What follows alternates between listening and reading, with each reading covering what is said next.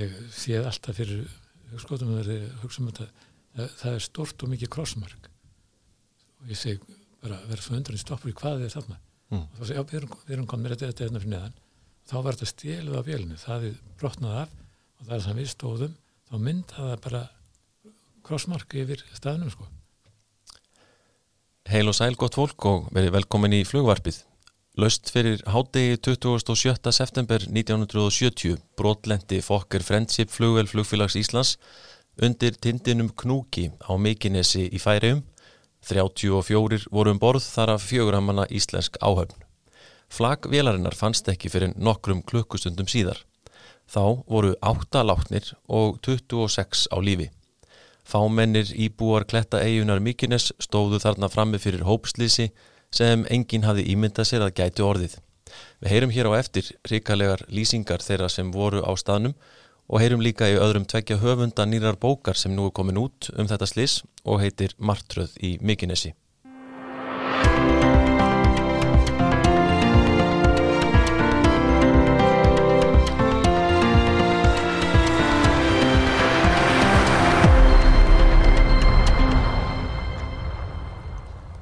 Bókin Martröði í Mikinesi er nýkomin út hér á landi og fjallar um mannskett flugslis á Fokker Friendship sem varði í færi um haustið 1970. Bókin er að stopnunum til þýðingur færiskri bók sem heitir SOS Knúkur, Fokker Friendship í Mikinesi og kom út árið 2000 og er eftir Grekaris Djurhús Magnúsen. Í þessari íslensku útgáfu bókarinnar er að finna mikið af efni og upplýsingum sem ekki er í færisku bókinni. Með höfundur Grekaris er Magnús Þór Hafstensson og við heyrum aðeins í honum hér síðar í þættinum. En fyrst að flugslýsinu í Mikinesi.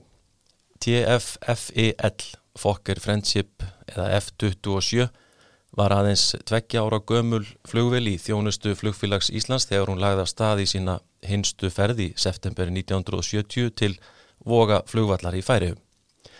Í stjórnklefanum voru Bjarni Jensson flugstjóri og Pál Stefánsson aðstofaflugmaður. Flugfreyjur í áhöfn voru Rappnildur Ólafstóttir, fyrsta flugfreyja og Valgerður Katrín Jónsdóttir. 30 farþegar voru um borð, færeyingar, íslendingar og danir. Fremst í farþegaríminu var allt fullt af posti, 6 fremstu sætin hægra megin og 8 fremstu vinstra megin voru nýtt undir postsekki og smávarning. Af þessum sökum satt fólk í hverju einasta sæti aftar í vélinni. Veðrið var slæmt, lítið skikni, rigning og sunnan kvasviðri. Flugvélinn var komin yfir vogaflugvöll um klukkan 10.15 en þá var skiknið lélegt og oflélegt til þess að fara í aðflug. Bjarni flugstjóri ákvað þá að fara í byðflug vestan við stefnuvitan í Mykunesi og býða þess að skiknið batnaði. Skömmu fyrir klukkan 11 árdegis tilkynir flugumferðastjóri á vogaflugulli um betra skegni. Bjarni sér nú að nú er lag og veit af eigin reynslu að skjótt skipast veður í lofti í færium. Við snúum í áttað Mykunesi til að hefja aðflug, er kallað í talstöðina. Klukkan 10.55 tilkynna flugmennir að þeir séu komnir yfir Mykunes á innleið til vallarins og að lækka flugið. Skömmu síðar fær vélin á sig bilmingshögg. Einn farþega horfir beint niður á græna grund úr glugganum. Allt fer á tjá og tundur um leið og flugvélin grefur sig ofan í jörðina og mold og grjót þeysist í allar áttir. Á flugvöldinum í vógum hafa menn ekki orðið varir við neitt óeðlilegt. Stuttu síðar reynir flugumferðarstjórun að ná sambandi við Íslandsflugvélina en fær ekkert svar. Valgerður Katrín Jónsdóttir flugfræja var svo eina úr fjöguramanna áhöfn á TFFEL sem komst nær óslösuður flugslýsunni í færiðum og varð auki með laumufarþega í móðurkviði. Hún var tvítugað aldri og hlaut mikið lof fyrir framistöðu sína á vettvangi slissins. Lífsreynsluna hefur Valgerður reynd að leggja að baki sér og hún vill ekki sjálf tala um þetta á opimberum vettvangi. Hún skrifaði hins vegar greinagerð sem byrt er í bókinni og við skulum heyra hér næst hluta af þeirri frásögn.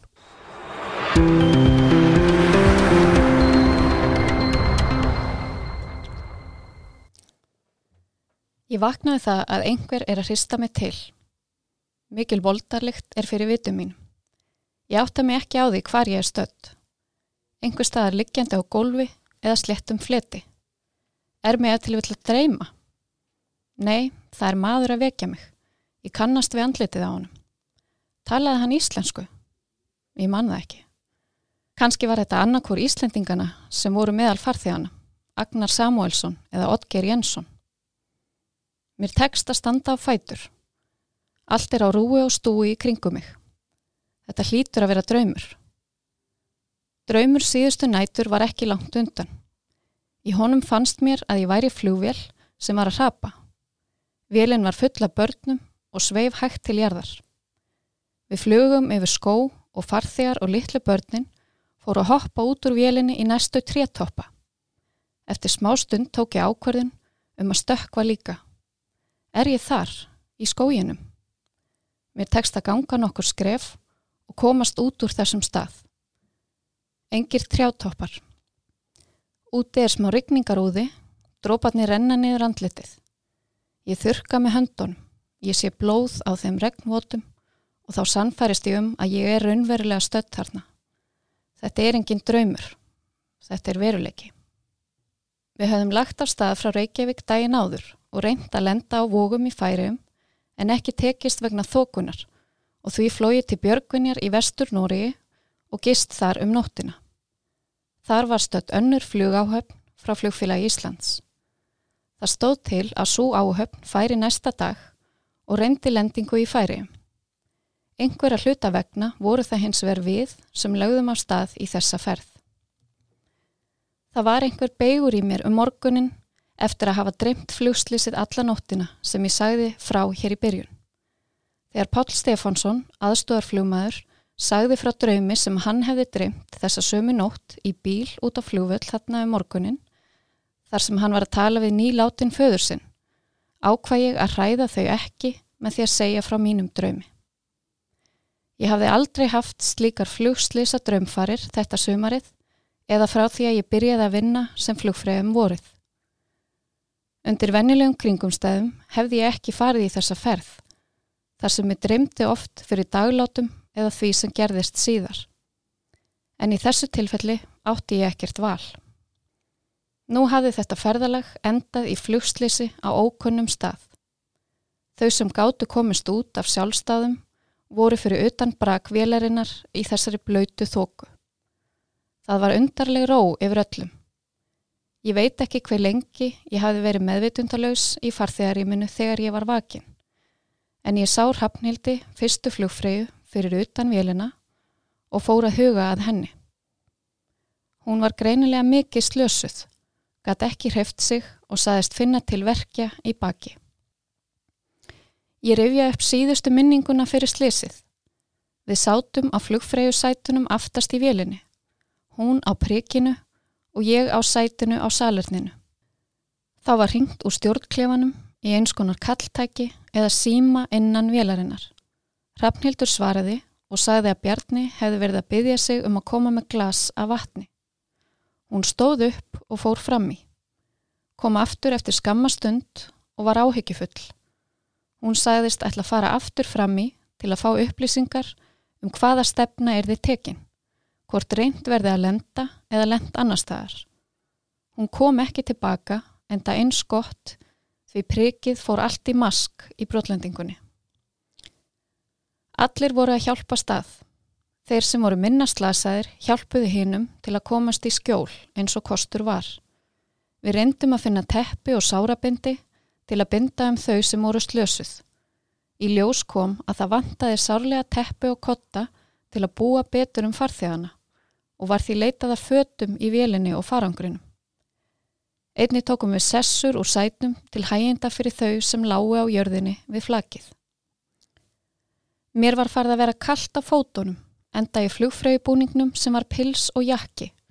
Hafði mist skóna þegar ég kastaðist inn í farþjarímið við brotlendinguna, mig verkeði í bak og kviðarhól. Öryggisbeltið sem ég hafi spennt um mittið hafi slittnað. Það hefur orðið líklega bæði mér og fóstrinu til lífs og ég skil ekki hvernig þetta gerðist. Ég sá ekkert með hægra auganu. Það blætti úr mér og fyrst held ég að annað augað væri farið. Ég gerði mér fljótt grein fyrir að ég var minnst slösuð af áhöfninni og ákvað að setja á mig súrefnisgrímuna eins og okkur hafði verið kent á námskeiði fyrir verðandi flugfreyjur til að geta hjálpað sem mest. Í því fólst að útbúa mig strax þannig að ég gæti orðið að eins miklu gagni og mér væri und.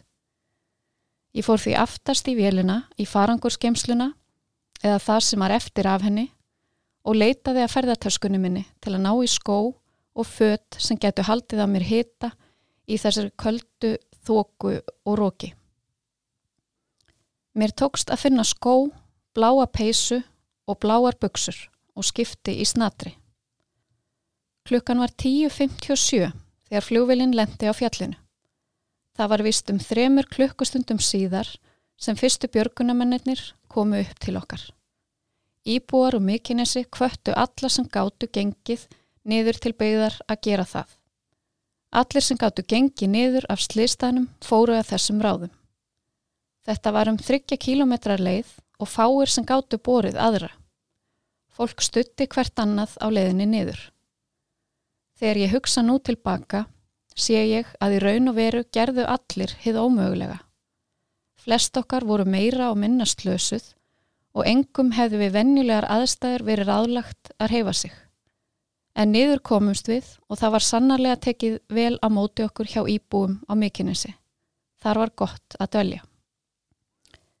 Fyrstu fréttir sem bárust af slísinu voru misvísandi. Þegar sambandslaust varð við fokkervélina var talið líklegast að hún hefði farið í sjóun. Skúli, þáverandi kærastiminn, var að vinna í flugturninum á Reykjavíkurflugvelli þetta sumar. Hann var emmitt á vakt þennan lögardag þegar slísið varð. Þegar ljóst varð að eitthvað alvarlegt hefði hent færi að flugvelina sem ég var í, var hann sendur heim.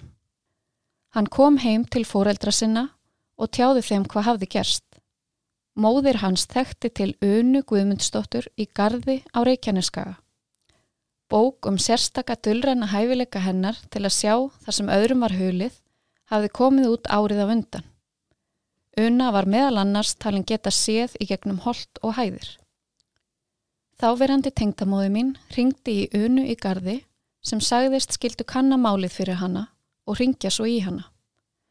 Stuttur setna ringdi Una tilbaka og sagði Tengdadóttir þín er á lífi. Ég sé hana uppi á einhverju heiði, hún er í bláum buksum og blári peysu, með hár niður í mitti. Hún er með sára á andlitinu en að öðru leiti er í lægi með hana. Og það er margt framliðið fólk að hjálpa henni. Þessar upplýsingar komu skömmu eftir slesið þegar engin vissi neitt. Þarna lísti una útliti mínu á vettangi. Jafnvel þetta með hárið var rétt. Hárið á mér hafði emmitt verið bundið upp í hnút í nakkanum þegar ég syndi flugfræðustörfum en losnaði upp við áreiksturinn og náði því langt niður á bak. Engin gatt skýrt upplýsingarnar frá unnu í gardi nýja staðfest að þær væri réttar fyrir en síðar. Flugfræðubúningurinn var rauður. Engin átti að hafa upplýsingar um að ég hefði farið úr búningnum að því að mér var svo kallt í honum upp á fjallinu og væri komin í bláfött sem ég fann í farangrinum. Una í gardi sagðist hins vegar sjá þetta sem var rétt. Það voru kannski einu réttu fréttinnar af sleistaðnum í fyrstu. Þegar ég lítum öll nú og sé að við sem vorum í þessari flugferð þurftum að fara í gegnum þessa reynslu, þá skinja ég hvernig röð atvika varð til þess að ekki fóru verð. Sjálf skil ég ekki enn í dag hvernig stóð á því að ég komst lífs af. Í brotlendingunni kastaðist ég út úr salerni vélarinnar þar sem ég satt á minni flugfreyju sessu. Hluti farþegana horfið á þátt um skyndihjálp í stórslisum í norska sjónvarpinu kvöldi fyrir flugslisið þar sem við vorum í Björgvin. Aðrir fóru á kveikmyndahús að sjá flugslisamynd. Vélarflakið stöðvæðist ekki langt frá brúninni þar sem nánast þvernýft var niður í fjöru og fleira var þannig að mikil mildi var að ekki fór ennver.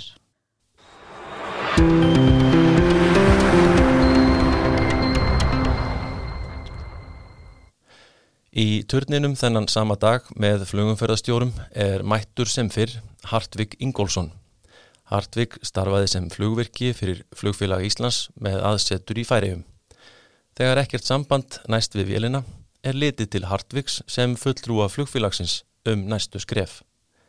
Já, það var þannig að það var auðvitað flugverki til Köpmahafnar og ég sótt um það en það fekk annar flugverki, það jobb og um leið og ég fekk sinjunum eða brefið þá buðuði með starfið í færiðum Mm -hmm.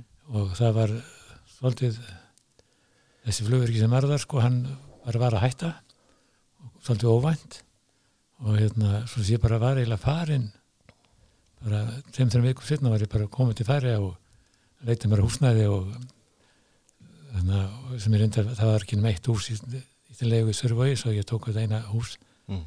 Og þetta var sko til að byrja með bara þetta uh, mjög þægilegt. Það var flóið þarna 5-6 daga í viku. Þannig að ég vann bara í, ég var fjóra tíma inn upp á flugulli Já, en svo eftir sem að leið sko það allt í einu var tóra mikið og farið að fljúa bæði dagflug og nætuflug en þarna, það var aldrei mikið það var samt aldrei meira en þá 8 tímar að, þó að, þó að það væri tekið fjóra tímar daginn, fjóra, fjóra nóttinni einmitt. Það er fast mjög gaman það, mjög indelt fólk og ekkert að, að að vera þar. Nei, þetta hefur verið töluvert flug hann eins og þú segir. Já, það var svolítið mikið flug. Já. og þetta jógst svo rætt sko, færingar voru svo fljótur eða, ég veit ekki hvað það kallaði fljótur eða senir en þeir voru þetta vanið ferju til Vöfmannar já, og mann finnst að vera, fyrst tótt að eitthvað var flott að fara með flugvél en svo allt í hennu var þetta komið í allir, allir fóru í flugvél vélum var yfirleitt full sko milli. Já, já. Já, Og hvenar er þetta hann sem að þú, eh, ertu nýbyrjaður hann þegar að þetta slis verður? nei, ég var búin að vera það í tæp þrjú ár sko, Já, já, og hérna sko ég hefði sennilega verið áfram ef það hefði ekki verið þetta slýðist því þá tók sko strax og eftir eða mjög fljótlega eftir þá tók Mersk við. Eða SAS og Mersk er saman. Já, já, kiptu flugvél og, og mjög skilst að hefði verið einhver samningur við okkur hérna á Íslandi að, að hérna, já, þeir tækju við þessu. Þeir það ekki við og við fengjum Grænland í staðin Já, já, Þetta að ég kannski er ég að koma upplustra einhver lindamáli en, en það var allavega færingar sögðu það, sko, þeir buðu okkur flugfélag færa sem til var þá sko, með enga flugvél og ekki neitt sko, annað en bara nafnið að þeir buðu Æslandir samning sko. já, og ég var persónulega sári við því það skildi ekki vel tekið sko. já, en, en þetta eru peningamenn sem að á, á, ákveða þetta? já, sennilega meiri gróði á því að vera, vera í grænlandsflugin þó ég hef ekki hugmynd það. Nei, ég lendi reynda líka í grænlandsflugin og mér fannst það mjög gaman líka þetta var ekkert þannig. Já. En hérna, uh, ef við rifjum upp þennan, þennan örlæðaríka dag þegar þetta slis verður uh, og vélinn er þarna á, á leið til voga frá Björgvin. Já, og, og þú ert þá mættur þarna upp á flugvöld bara eins og, og venjið til eða hvað? já ég, ég mætti yfirleitt svona tveim, tímum áður. Fyrst og fremst til að hlusta bara á og þeir vissu það flugmennir þannig ef það vildu að ég, það er eitthvað sérstakt sem ég þurfti að aðtuga þá voru ég búin að láta um vita áður. Einmitt. Uh, þú verður vitnað því þegar að í rauninni sko sam, sambandi rofnar. já, og þeir sko, til, að byrja með þá er bara, eru þeir að kalla á allt en fattum að þeir eru alltaf að kalla og enginn svarar. Því ég sagði, var nú eitthvað ekkert að skipta mér að já, og svo, svo snýr einna sem ég get ekki útilokað að eitthvað hafi gerst, segir hann mig. Já, og þá, og svo er aftur svolítið þögn og svo segir hann, heyrðu, hvað ætlað þú að gera næst?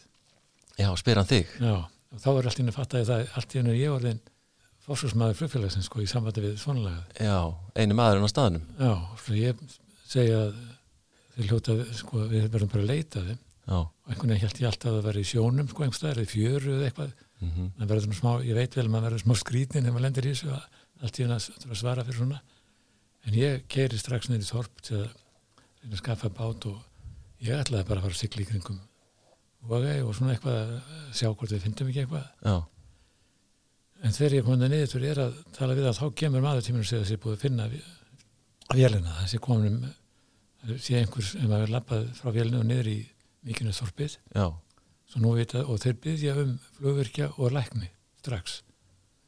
Og þá þetta verði ennþá meira undrandi sko flugvirkja á einhvern svona stað Bara, já, og þá fór maður í að segja, já, gáttu þið lenda einhvers staðar á mikjunni sem getur verið að sé einhvern mikjunni sem mjög afskekt eiga sko. einmitt.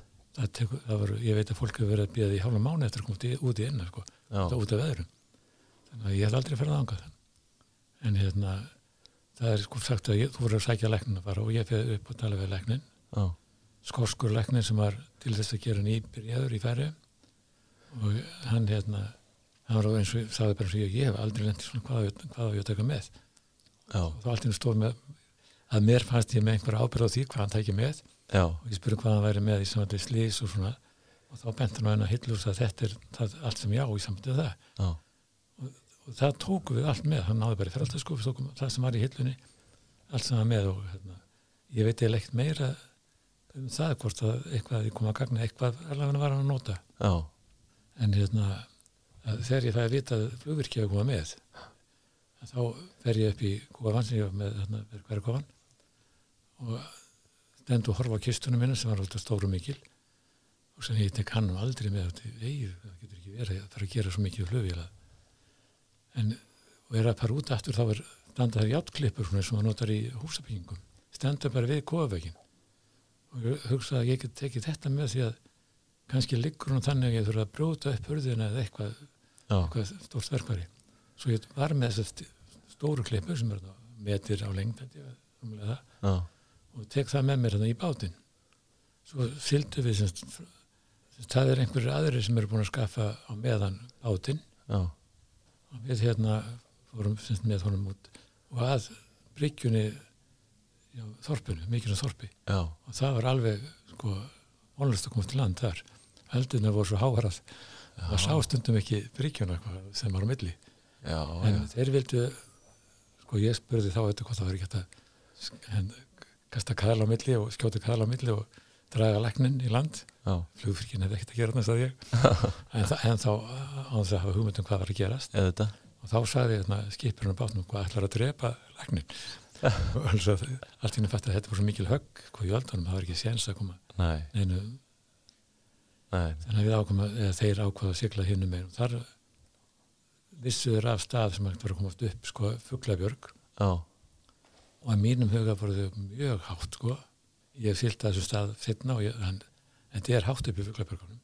Já, fyrir allavega menn sem ekki eru vanar að klifra í klettum. Já, og svo er þegar við siglum hann fyrir og uh, þá voru konum mennan uppi og henda kaðli niður og það eru bara færingar og svo ég hann skotin og, og læknirinn og ég. Já, og þeir vilja fá læknir fyrst upp.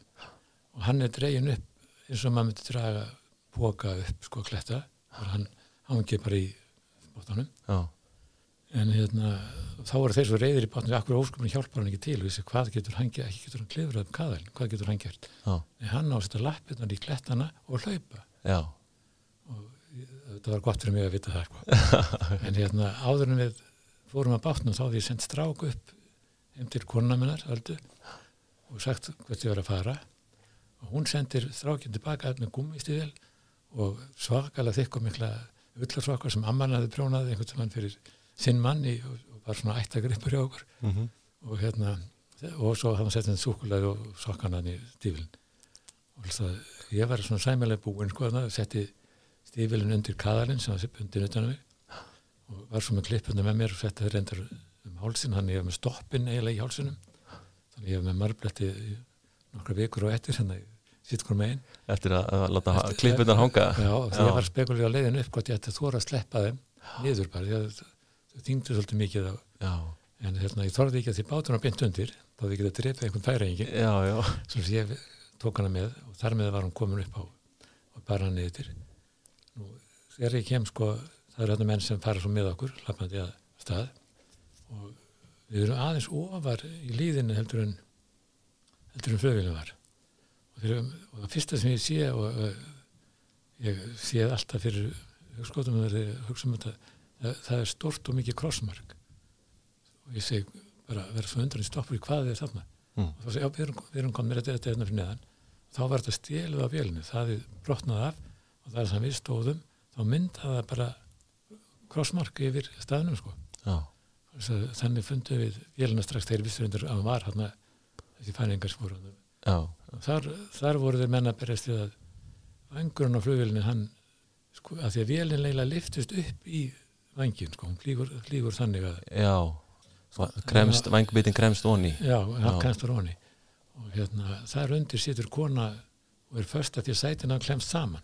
Og það eru tveir verði engar reyna að losa hana og hérna, þetta er eitthvað mjög sárt hjá henni og þá bara er ég með það með klippunar, ég klifti bara á stórlappinnar og bara á einni mínundu var hún laus sko, það, það, var Já, ekki, já. það var ekki þetta var eina sem þurfti að nota klippunar í og, og við getum ekki sagt að, að mér hefði dóttið til áður. Þetta var ekkit að því að ég hefði meira hugsað bæði að kannski að klippa á ramagnið klippa batterín eða eitthvað fleði sko ef við kemist að því. Mm en hérna, þetta ekki í hug stólanir Nei. Þetta hefur hjálpað þessari konu Já, þannig þa- þarna var hún komin út bara strax. Það, ég held að bara þessar myndur þá var hún komin út á vélni og hún var síðasta manneskjan á lífi sem fór út á vélni sko. síðan var, sko, fór ég að bara hjálpa ég fór enda fram í koppiti fyrst. Þar var sá ég að, að hérna, kóarinn hafi komist stæti var allt í lagi hjá honum og, en hitt sæti var raunverulega farið sko. Já, ég fór ekkert að skoða það meira, það var bara, það var ekkert sæti þar. Nei, og einhvern veginn myndi mér að baki að við var einlega bara verið eins og gólf. Já, já, en sko, eins og ég skoðaði vélina ekkert eftir þetta var einhvern veginn misti ég alveg trúnna á flugvélina sem slíkri. Já, einmitt, og læknirinn hann hérna var farin að skoða fólki hann fyrir utan sem var lág hann á hann kallaði á mig og ég hjálpaði honum sko, var, var við það. Að við byrjuðum þá komu þyrlumenn og, og herrmenn eða danskir varskismenn mikið sko þeir eru að tóku við stjórn já, mér, sko, ok, og sáðu, sáðu hver er þetta að berast niður fyrst og já, ég bara, gerði bara það sem var sagt og bara niður. Já, þar voru, voru geysilega góðir góð. Já, ég hef ekki trúið að þetta verið hægt á þyrlu sko. Og ég, ég sá það hvað, er, hvað þetta er hættulegt í svona flugi. Þegar þú ert með stóra á þyrlu og hún lendir einhvers staðar sem þú eiginlega veist ekki hvað, hvað er hann undir. Já, hjólinn sígar niður öðrum megin. Og þú átt að rétta velna af um leið og hún losnar. Já, setja ekki spaða niður hérna megin. Einmitt, þetta er Já, vandasamt, og hérna, ég segi ekki það, ég sá hvergi að vera nálætti hjá þeim, en ég sá samt hann hreyfðist hann að ég vissi að þeir voru að berjast við að haldinu réttir ykkur já, og hérna ég, ég var ákvæmlega hreyfin af þessum, mönnum hann mhm. Getur eitthvað lýst svona andrúmsloftinu sem er þarna í kring? það er alveg óskaplega gott að vita því í gegnum lífið að þetta, allt því sem voru þarna voru þarna til að hjálpa. Það var ekkert annað en allir vildu gera allt sko fyrir alla, þetta, þetta er ótrúlegt upplöflsi að, hérna, að svona stór hópur í raun að það voru allir að hugsa um hvað við getum gert fyrir einhver aðra sko. Einmitt, það var engin að þetta, þetta er sko það er eiginlega þessi upplifilsi sem mann fannst vera svo mikil í, í þessu. Svo þegar þetta var búið þá voru það hjón hann í þorpinu gengum bara úr rúmi fyrir okkur. Ég og læknirinn sáum saman í hjónarúmi. Og semst, ég er aðeins á undanum inn og fyrir styrtu og svo er, er ég komin í rúmi þegar að, þá kemur frúin með gínflösku og gefur mér. Já, og ég er akkurat múin að opna hana. Ég er ekkert mikil ekkert mikið fyrir gínið eða hugsa, þetta er ábyggilega eina sem duga núna í þessu já, Um leið kemur læknirinn út og hann hann grípur flöskun og tekur hann að mér og ég segi hvað er þetta ég hérna ætlaði auðvitað að gefa þér líka? Ekkert, ekkert að vera og það er svona nei en ég er búin að taka eftir því þú ert sallar rólegur. Og, og það er ekki normalt í þessum tilgangstæðum nei, og hérna þú átt eftir að finna fyrir því. Og ég vil ekki að það, þú finnir fyrir því hér. Nei, það tekur einhverja daga og, og þú veist það sjálfur hvernig þú ert komin yfir fyrsta skellin þess að hann bjargaði mér þar. Já, ég skil, en hérna þessi, kona þetta, hún vildi, vildi mér bara gott sko, þessi frú hana ætlaði hérna auðvitað, þetta var það var í sjokki. Já, já, nú svo hann um kvöldi þá var búið að loka fyrir síman úti í eigu svo síma þjónast í færi var rosalega fín sko, ég veit að mann hlæja mér þegar ég var á hælenni já, það er besta síma þjónast sem ég haft sko, ef það ringt í mig og ég var ekki viðlátið í baði eða klósturna eða eitthvað. Mm, og hérði sími ringdi þá þegar ég var úrungat farið í síman þá tók maður um tólið bara og spurði hver var að ringi mig? Mm, og þá segir þau að þetta var hann Jón. Og hann getur ekki, hann er ekki heima sér núna, hann er að fara til hans Kristján. Þú átt að ringja þangað.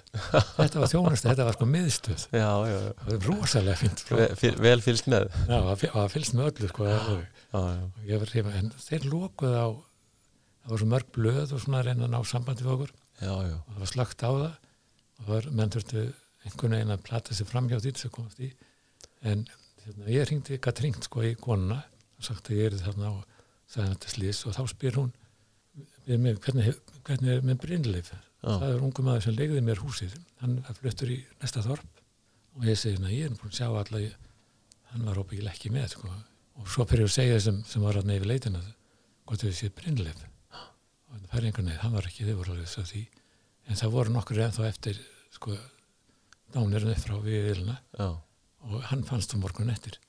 Alda hafði bara, hún sopnar hann kvöldið. Þá kemur, finnst henni Brynni koma og segja henni hérna, ég, bara, það finnum enginn. Já, og þetta er eiginlega, við hefum enga skýring á þessu sko, en hérna allavega hann virkaði þetta þannig og hann hefði fundið hvað sem er, það er ekki já, já. en hérna Hann kemur skrít- til hennar hann í draumi bara. já, bara, en hann var nefnilega nýbúin að vera á Íslandi semst, Mhm. og hérna hann kristinbóði og svo þegar hann var jarðaður þá var ég reynda, það var hótt um miðjan dag þegar vélinn var á vellinum og ég gæti aldrei farið frá þegar vélinn var. Mm. þannig að þá alda, fór Alda í kirkjuna. Og það var lesið upp síðasta brefi sem hann hefði skrifað heim. Og það, sko, hann var ekki hrifin af Íslendingum. En þá landið verið heitt Já, það voru hjörtin og svo þetta var, eru eins og ég vona allir hafa lægt í dag að það eru tveir bátar í jölni. Já, björgunarbátar. Og ég Einmitt. hefði farið gegnum námskeið á björgunarbáta og honum því líkt Já, og enginn sagt mér að þetta verið tjöld. Og þó ég sægi að það var gúla hann yfir því að var að vinna í, í þessu emitt, þá les ég það ekki upp. Nei, og ég var spurður að því hann í rannsókninni akkur lest ekki bátana lesa bátana, það er gott að hafa skjól þá dætt mér það ekki í hug. Ég, og ég enda í sjúma faktansáskjum sem ég kendi þarna þá bentist ég alltaf á það. Þessi bátar væru raunverulega líka tjöld. Þó að kannski enginn var þurft að nota þessu upplýsingar þá ef ég alltaf verið sárat í sjálfum að ég skildi ekki að fatta þetta. Og hérna ég held að ég farið ekki að vita þetta einhver tíman Þá- þá, hugsaður ekki út í það þegar þú þarft þess að hugsa út í það nei, akkurat. og ég var ekkert að spekula í svolítið heldur bara að koma öllum niður. Sennilega eftir þetta hafa menn lært það að og sennilega verið tiltekið á hverju námskeiði eftir þetta. ég veit hann nefnilega hvað eftir ég hætti í Æslandir þá byrjaði ég að vinna fyrir Norðan líka. Já, og ein, einu sinni ég var að fljúa þangað kemur fljúfrun sér, þú ekki Hartvík já, og ég segi, jú. Hvaðan þekkist við nei, ég var á námskeiði bara ekki ær og það var smá bí- bíómyndabútur settur upp með þér. Þar sem mútti segja frá bát, með bátunum. Já, og þá allir já. Því að sko eftir svona slýðis þá er maður svolítið skrítin sko, maður er öðruvísildur en maður var. Og maður á það kannski pínlítið bátt má segja. Mm. en ég var svo heppinn að einu tímanum setna þá ákvað Æslandir að taka kvikmynd af þeim mönnum sem hefur því fólki sem hefur sloppið úr svona starfsmönnum og bara já, og það var sagt um mig þá að þetta er ekki þannig að ég væri döður og já, allt búið. Þar segi ég frá þessu. Og sá bútur hefur greinlega verið kliftur úr og kent allan flugfræðumann skamma setna eða svolítið setna. já, notaður í kenslu og ég er, ég er alveg sætt yfir það, sko, það er ekkert, ég veist það var mjög gott. já, En hérna, það er námskeið, þegar, það- þegar það var búið, þegar ég lappaði út, þá fannst mér ég vera búin með þetta mál. Það var þetta slís og því viðkomandi, það kom mér eiginlega ekki við lengur, ég reynda, reynda að fjallaðist það, reynda að gleyma og ég fann að ég með leið betur eftir þetta heldur en mér leið fyrir, sko. já. Nú gerist það að það eru fulltrúar flugfélags Ísland sem koma hann eftir slísið. Þú, þú varst ekki alveg sáttu við það þegar, að- Nei, þegar að ég- menn koma og Nei, á á fokkar vel á einmitt. fokkar og það var Örn Jónsson sem að Mm. ég voru nú sæmulega góði kunningar og hérna, hann kemur út af vélinu og ég vissi að hann réð öllu. Já, og ég var svo reyður ég held að sé bara eina skipt á æfinu sem ég var það reyður ég greip í einhvern sko, ég tók eins og hvað hann var að gera hér að koma á fokkar, vissi hann ekki að það er stórhættulegt. Já, og ég man eftir að ég sagði þessu orð sko já, og svo stóð hann, hann stóð bara að horfa á mig og segir svo er það minn, þetta er ábyggilega mjög erfitt fyrir því að lýsa, viltu ekki bara fá þér mánaða frí, fara að vera heim? Mm. og bara því ég átti að vera heim með fokkar ég var auðvitað alltaf hrifin að fara heim til Íslands að þá hérna sagði ég nei takk, ég ætlaði sko ekki að fara neitt. Nei, og fokkarinn kom svo bara strax daginn eftir eh, var komið áhullin aftur sko. Já, já, og ég fór að vinna aftur og ég fann ekki, og ég get ekki sagt hvernig ég flög næst ég, ég, ég var aldrei verið flugfrættur því ég var ekkert að, nei. ég fann ekkert fyrir því en bara þennan, þetta augnablik Hann að fyrst á eftir. já, þannig þá var ég ekki fann að hugsa málið sko, hvað var að gerast Nei, og svo þetta gerist 2007. ekki 27. Sjötta- september. sjötta, já. já. og 2009. á ég amali og þá hérna held ég að ég væri alveg búin í jafna mig sko, allt já, en allt, við vorum í tvekja þetta húsi, já, sváum uppi og alltaf krakkarnir fara niður undan, og hérna ég er í rúmunu og hún sendi það upp með bakka með kaffi og blóm og svona eitthvað, eitthvað hugul heita því þetta amali mm, svo koma þau niður aftur og segja pappi vill ekki fá þetta. Hann bara sá okkur fara. Og þá var ég undir sæng og grét. Þá kom áfallið. Já, það var svo mikið ólíkt. Já, emmitt akkurat. Það hefur ræst á þarna það sem að læknir er nefni við þarna, akkurat þetta. dögum áður. Já, og ég, hann var búin að segja mér þetta ringi hann ef þetta verið en svo bara var ég hérna alltaf kom nú þetta upp. Og ég vildi fá að vera í friði. Það hafði kannski verið klukktugum eða tveir sko sem ég verið uppi svo bara klætti ég mig að koma niður og já, var sæmilega rólegur ég eftir það. Já, en hérna og ég held ekki einu svona að ég hef verið kvíðin neitt sko í í framtíð eftir þetta í samvættu velunar sem voru að koma og fara. Nei, var, ég fann ekki fyrir því Og, og, og eins og þú segir, það, færi eða flugið heldur bara áfram sinn að já. ganga hann á eftir og já já, ekkert ekkert var við neitt sko. Var fólk ekkit uh, var, var, varst ekkit varðið það að fólk gerði eitthvað rætt við að fara nei, með vilunum? Nei, og hérna sko það var kannski aðalega þetta sko að því að þokan var nú er, og er kannski mikil í færum. Jú, jú, að þá hérna þegar að þokur voru þá voru ofta að segja manni sko þið hefðu nú getað komið núna og getað komið núna. og sérstaklega Íslendingur sem var mikið einhver þölumæður sem var mikið að ferðalagi hérna hann var stundur reyður út í okkur fyrir hvað við vorum reyndum lítið að koma þegar það voru þoku bakkar hann stónum að það geta alveg komið núna það er ekki það slæmt. Já. Eð, þegar, að, þegar að þetta er nú allt um garð gengið um, þarna í færi um hvað starfaru lengi þá þar áfram? sko ég er alveg hjá, hjá þeim sko þá gott yfir 67 og hérna fyrst var ég vaktstjóri Reykjavík og Keflæk og síðan fór að skoðan til þennan skoðanamaður og svo yfir skoðanamaður ég held að það hafi ekki verið hjá flugfélaginu með tveir yfir skoðanamenn frá byrjun. Sífinspektor, það var ekki það var ekki lagt niður það starf. Nú var það bara kvöldi mannir, ég reyndar Já, prófaði líka að vera. Já, geða stjóri já, mér fannst hérna ég hefur alltaf hrifnar af tífinspektor því að Já, það var gett gríðin ánum í bíómynd sko hana. Já, já, akkurat. Þannig að hérna, það, var alveg skemmtilegt. Svo var ég reynda flugvistur líka. Ég held að ég hefur prófað mest af þessu sem að flugur ég getur prófað sko. Já, það er nú svolítið langt síðan þú hættir störfum en, en þú, þú hættir samt ekki alveg svona þegar að, þegar að, að því kom eða hvað?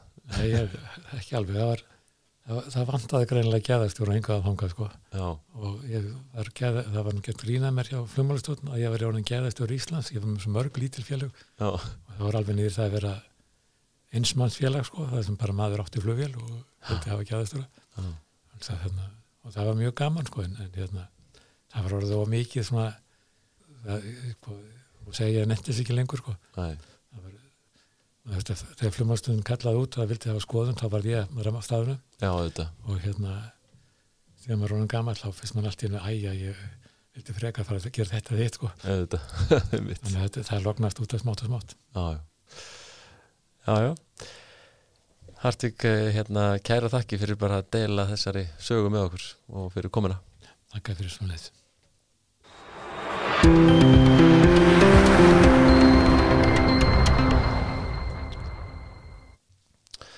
Magnús Þór Hafstinsson er annar tvekja höfunda að bókinni Martröð í Mykinesi um flugslýsi í færi um 1970 og uh, hann er komin til okkar hér í flugvarpið, velkomin Magnús Takk fyrir það. uh, Mér finnst alltaf áhugavert að vita frá þér öðrum höfunda þessara bókar svona um tilur þessa verks að þið farið í þetta Það var þannig að ég hafði keift upphaflegu útgáfu bókarinnar þegar ég var á ferði í færium einhvern tímann um aldamótin. Hún kom út árið 2000 þar og áttan alltaf í fórum mínum. Og uh, síðan hittumst við uh, ég og Greg Kares færist í meðhöfundur minna þessari bók. Við hittumst hér Reykjavík fyrir ári síðan. Þá var hann hér á Ísland og hann hafði samband við mig í gegnum sameiginlega kunningi okkar og vildi fá að taka við mig smá spjallum samherjamálið sem þá var í hámæli. Já, já, ok. Og uh, þá kom á daginn að hann hafði skrifað þessa bók og ég átt hana. Já. og þegar ég kom heim að þá fór ég og fann hana og fór að skoða hana og þá sá ég að það voru liðin árið 2020 50 ár frá því að þetta slísaði orðið. Einmitt, þá fættist svo hugmynd að ég myndi taka þessa færisku bók og hreinlega bara þýðana og hún er gefin út á íslensku. Já, en síðan þegar svo vinna hófst og ég hef búin að finna útgefanda sem er ugla og uh, að uh, þá kom brátt í ljós að uh, það var hægt að ná svo miklu miklu meira út úr þessu efni. Já, Eh, þegar bókinni skrifa á síðan tíma fyrir 20 árum þá lág ekki fyrir þar upplýsingar sem við gáttum nálgast núna svo sem uh, lokast Ísla dönsku rannsóknarnefndarinnar. Við höfum líka aðgangað Íslendingunum hér á Íslandi sem höfðu verið í áhöfn vélarinnar og, og líka tveir sem voru farþegar, annar er reynda látin en hinn var einn á lífi, við fundum hann í færium þannig að þetta vatt svona upp á sig. Já, og núna árið síðan liggur þessi bók fyrir og þetta er raun og veru allt, allt önnur bók heldur en upphálega færiska bókin. Já, sem er svona samt sem er byggt á hún er grunnurinn algjörlega, Já, já, já, já, algjörlega. Og, og, og en það hefur bæst heilmikið við og ekki síst af myndefni og viðtölum við fólk og, og þetta er orðið miklu, miklu meiri saga. Já, já þetta, er, þetta er veglegt rít uh, hvað var eitthvað svona í þessu sem kom þér mikið svona mest á óvart þegar þú ert að garfi í þessu Mér fannst mannlegi þátturinn í þessu merkilegastur og það kom mér svo litið óvart þegar ég fór að grafa mig onni í þetta. Mm. nú er ég ekki tengdur flugi nema ég hef bara svona haft svona strákslega flugdellu alveg frá því ég mann eftir mér haft áhuga á flugvélum og svona. Já, en, en, en þegar ég fór að skoða mannlega þáttin og, og, og, og afla mér upplýsinga um fólki sem hafi verið í vélinni já, þá fannst mér það mjög merkilegt. Því að þetta er fólk sem kemur úr öllum áttum Mm. hefur verið að sinna ýmsum erendum hinga og þangað út í heimi og þau eru á heimleið og þetta er fólk sem er, sem er með svo ólíkan bakgrunn einhvern veginn. Þarna mætast öll þessi þessar, þessar, þessar, þessar æfisögur og, og, og þessar, svona, já, þessar mannlegu sögur þar mætast allar í þessari einu flugvél sem er á leiðinni til Færiða þannig hann óveður stag í lok september 1970 sameiginleg örlög svona. já, sameigileg örlög, þetta endar allt í þessum eina punti Já. upp á tindinum knúti í Mikines í færi og, og, og við höfum svona reynd að grípa inn við segjum til dæmis sko sögur kvennana, sögur kvenna eru sterkar í þessari bók, það voru náttúrulega tvær flugfreyður sem báðar komust af, íslenskar. Já, Hrafnildur Ólasdóttir og, og Valgerður Katrín Jónsdóttir.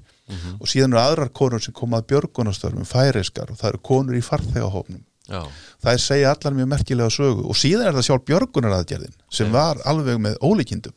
Því að, því að uh, það var allt svo frumstætt það voru engir innviðir.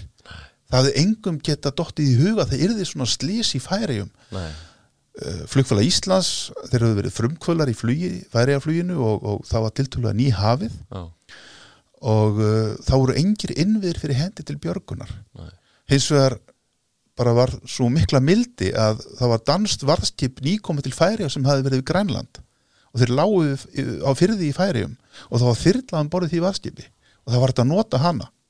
En samt eru erfiðleikandi svo miklir það er ekki nema 50 km loftlína frá Mykinesi mm, til sjúkurhásins í Þórsöfn í Færiðum já, þetta er ekki nema 50 km það tekur 36 klukkustundir eftir að slísi verður þar til tekst að koma hennum slösuð á sjúkrás 36 klukkustundir, einn og hálfu sólarhingur já, hérna. Það segir allt um það hvað innviðinir voru frumstæðir og, og þessi vél lendir þarna, brotlendir á þessum tindi og þarna lítið þorp fyrir neðan tindin sem er mikinnist þorpið. Og það er bara venjulegt fólk já, bændur og fiskimenn eh, og það allt í einu situr með þetta verkefni í fanginu. Já, Íslandsflugvélinn hefur farist. Já, hún hefur brotlend á knúki og hvað hefum við að gera? Og það fara allir á stað til að bjarga og hjálpa. Já, og það er alveg ótrúleg saga í raun og veru sko. Og svo svona hvernig rætist úr þessu? Þetta lítur mjög illa út til að byrja með. En, en síðan það er svo margt sem vinnur með því að þetta fer þrátt fyrir allt ekki verri en að gerði. Einmitt. Já, Já. þetta er, þetta er merkileg saga. Eh, þú nefndir hérna einmitt með sko lokaskíslu dönsku rannsóknarnefndarinnar. Já. hún kemur bísna seint og, og það kemur einmitt fram í bókinni að það er sem að fólk kannski tekur náttúrulega sem sjálfsögðu hlut í dag þú veist það er þessi svarti kassi sem alltaf er talað um í tengslu við flugslis honum er ekki til að dreifa þarna. Nei, hann var ekki í vélinni, hann hafði verið sendur til Hollands, til fokkarvesmiðana það þurfti eitthvað að laga Mm. og það var ekki settur svartur kassi í staðin, það var engin flugrit í vélinni. Nei, það voru heldur engin tepp í einmitt. Þau hefðu verið sendið hreinsun og það hefði ekki verið hirt um að setja önnur tepp í staðin og það kemur sér nú vantalega mjög illa þarna. Já, og, og á því Hvað- þú ert flugmaður þá er alveg ótrúlegt sko hvað þetta er allt sem hann frumstætt hann árið 1970 Já, það er ein neyðartalstöð í vélinni sem hægt er að nota. Mm. og hún er úr sittni heimstyrjöld og mjög ófullkomin og það kemur í ljós að hún er ónótæf á vettfangi og uh, uh, náttúrulega siglingatækjunum borð í flugvélinni nú er ég engi sérfræðingur í því en mér skýrst að þeir hafi raun og veru bara verið með áttavita, kompás og, og síðan hafi þeir bara vita stefnuna og flughraðan og síðan hafi þeir þá þurft að finna hennar radiovita sem var e, e, í sjóvitanum í Mikinessi já, og, og, og, og þannig finna aðflugsstefnuna og leiðina að vogaflugvilli og lending þar getur verið mjög erfið vegna þók og annað þess að allir íslenski flugmenn sem hafa flóið til færi að þekkja það mjög vel og farþega líka. Já, þetta var allt svo frumstætt. Og, og, en vélinn sjálf þetta var náttúrulega, þetta var glæni vél. Já, TFFIL glæni fokker Fokker 27 Já, og, og, og, og mjög flott vél á þeim tíma. Einmitt. En samt sem áður er hún svo vannbúin hvað þetta varðar. Já, já, það var ratsjá í vélinni, svona veðuratsjá það var kveikt á henni. Og, og hérna, og það er talið að hún hafi trublað, hún var á svipuðu tvínisviði og, og radiovitin í Mikinessi og það hafi allir slísinu þeir fengu signal um það. Það verður konir yfir. Þeir voru konir yfir. Radiovitan í Mikinessi og mætti þá að byrja að lækka sig Mhm. en þeir voru það ekki. Og þeir byrja að lækka sig og snemma. Einmitt, og þeir eru að fljúa hann í svarta þóku og sjá ekki fram fyrir sig. Það var mjög erfitt, var mikið rók og, og, og, slemt skigni hins vegar eru vísbendingar um það að þeir hafi séð rétt áður en árásturinn varð einmitt, í hvað stemdi einmitt. Þeir náða að lifta nei, nefi vélarinnar á síðast augnablíki og það bjargaði þá því sem bjargað varð. Já. þetta hefði farið miklu verð ef ekki. Þá verður höggið væntanlega miklu minna. Minna hún, hún, hún skrýður upp eftir fjálsliðinni Já, og, og, en hún brotnar mjög illa vélinn og, og uh, það farast þarna átta mannastjur Mhm.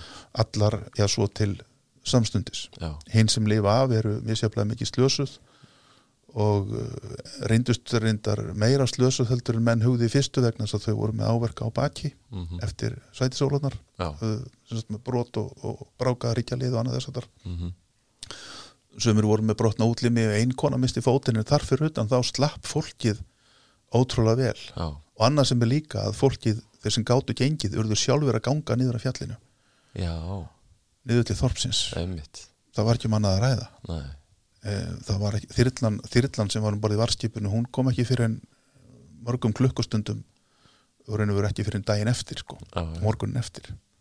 Svona var þetta allt, þetta er, þetta er, þetta er ótrúlega saga og, og hérna mjög margt í þessu, það búið afskala gaman að skrifa þessa bók og gefandi og hérna já, því.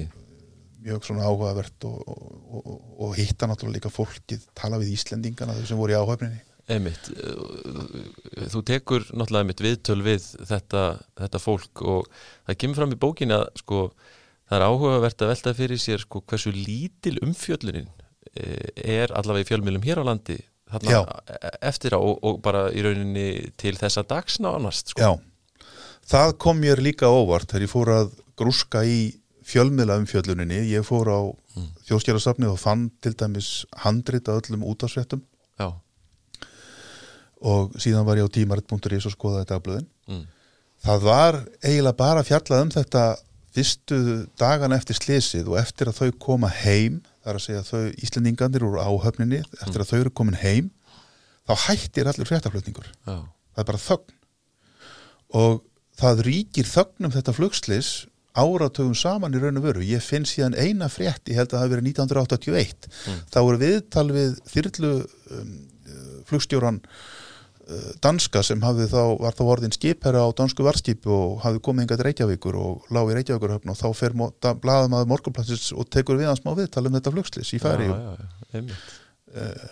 Þar fyrir utan ekki neitt. Nei, þetta bara gleymist og er ekkit rætt neitt meira. Nei.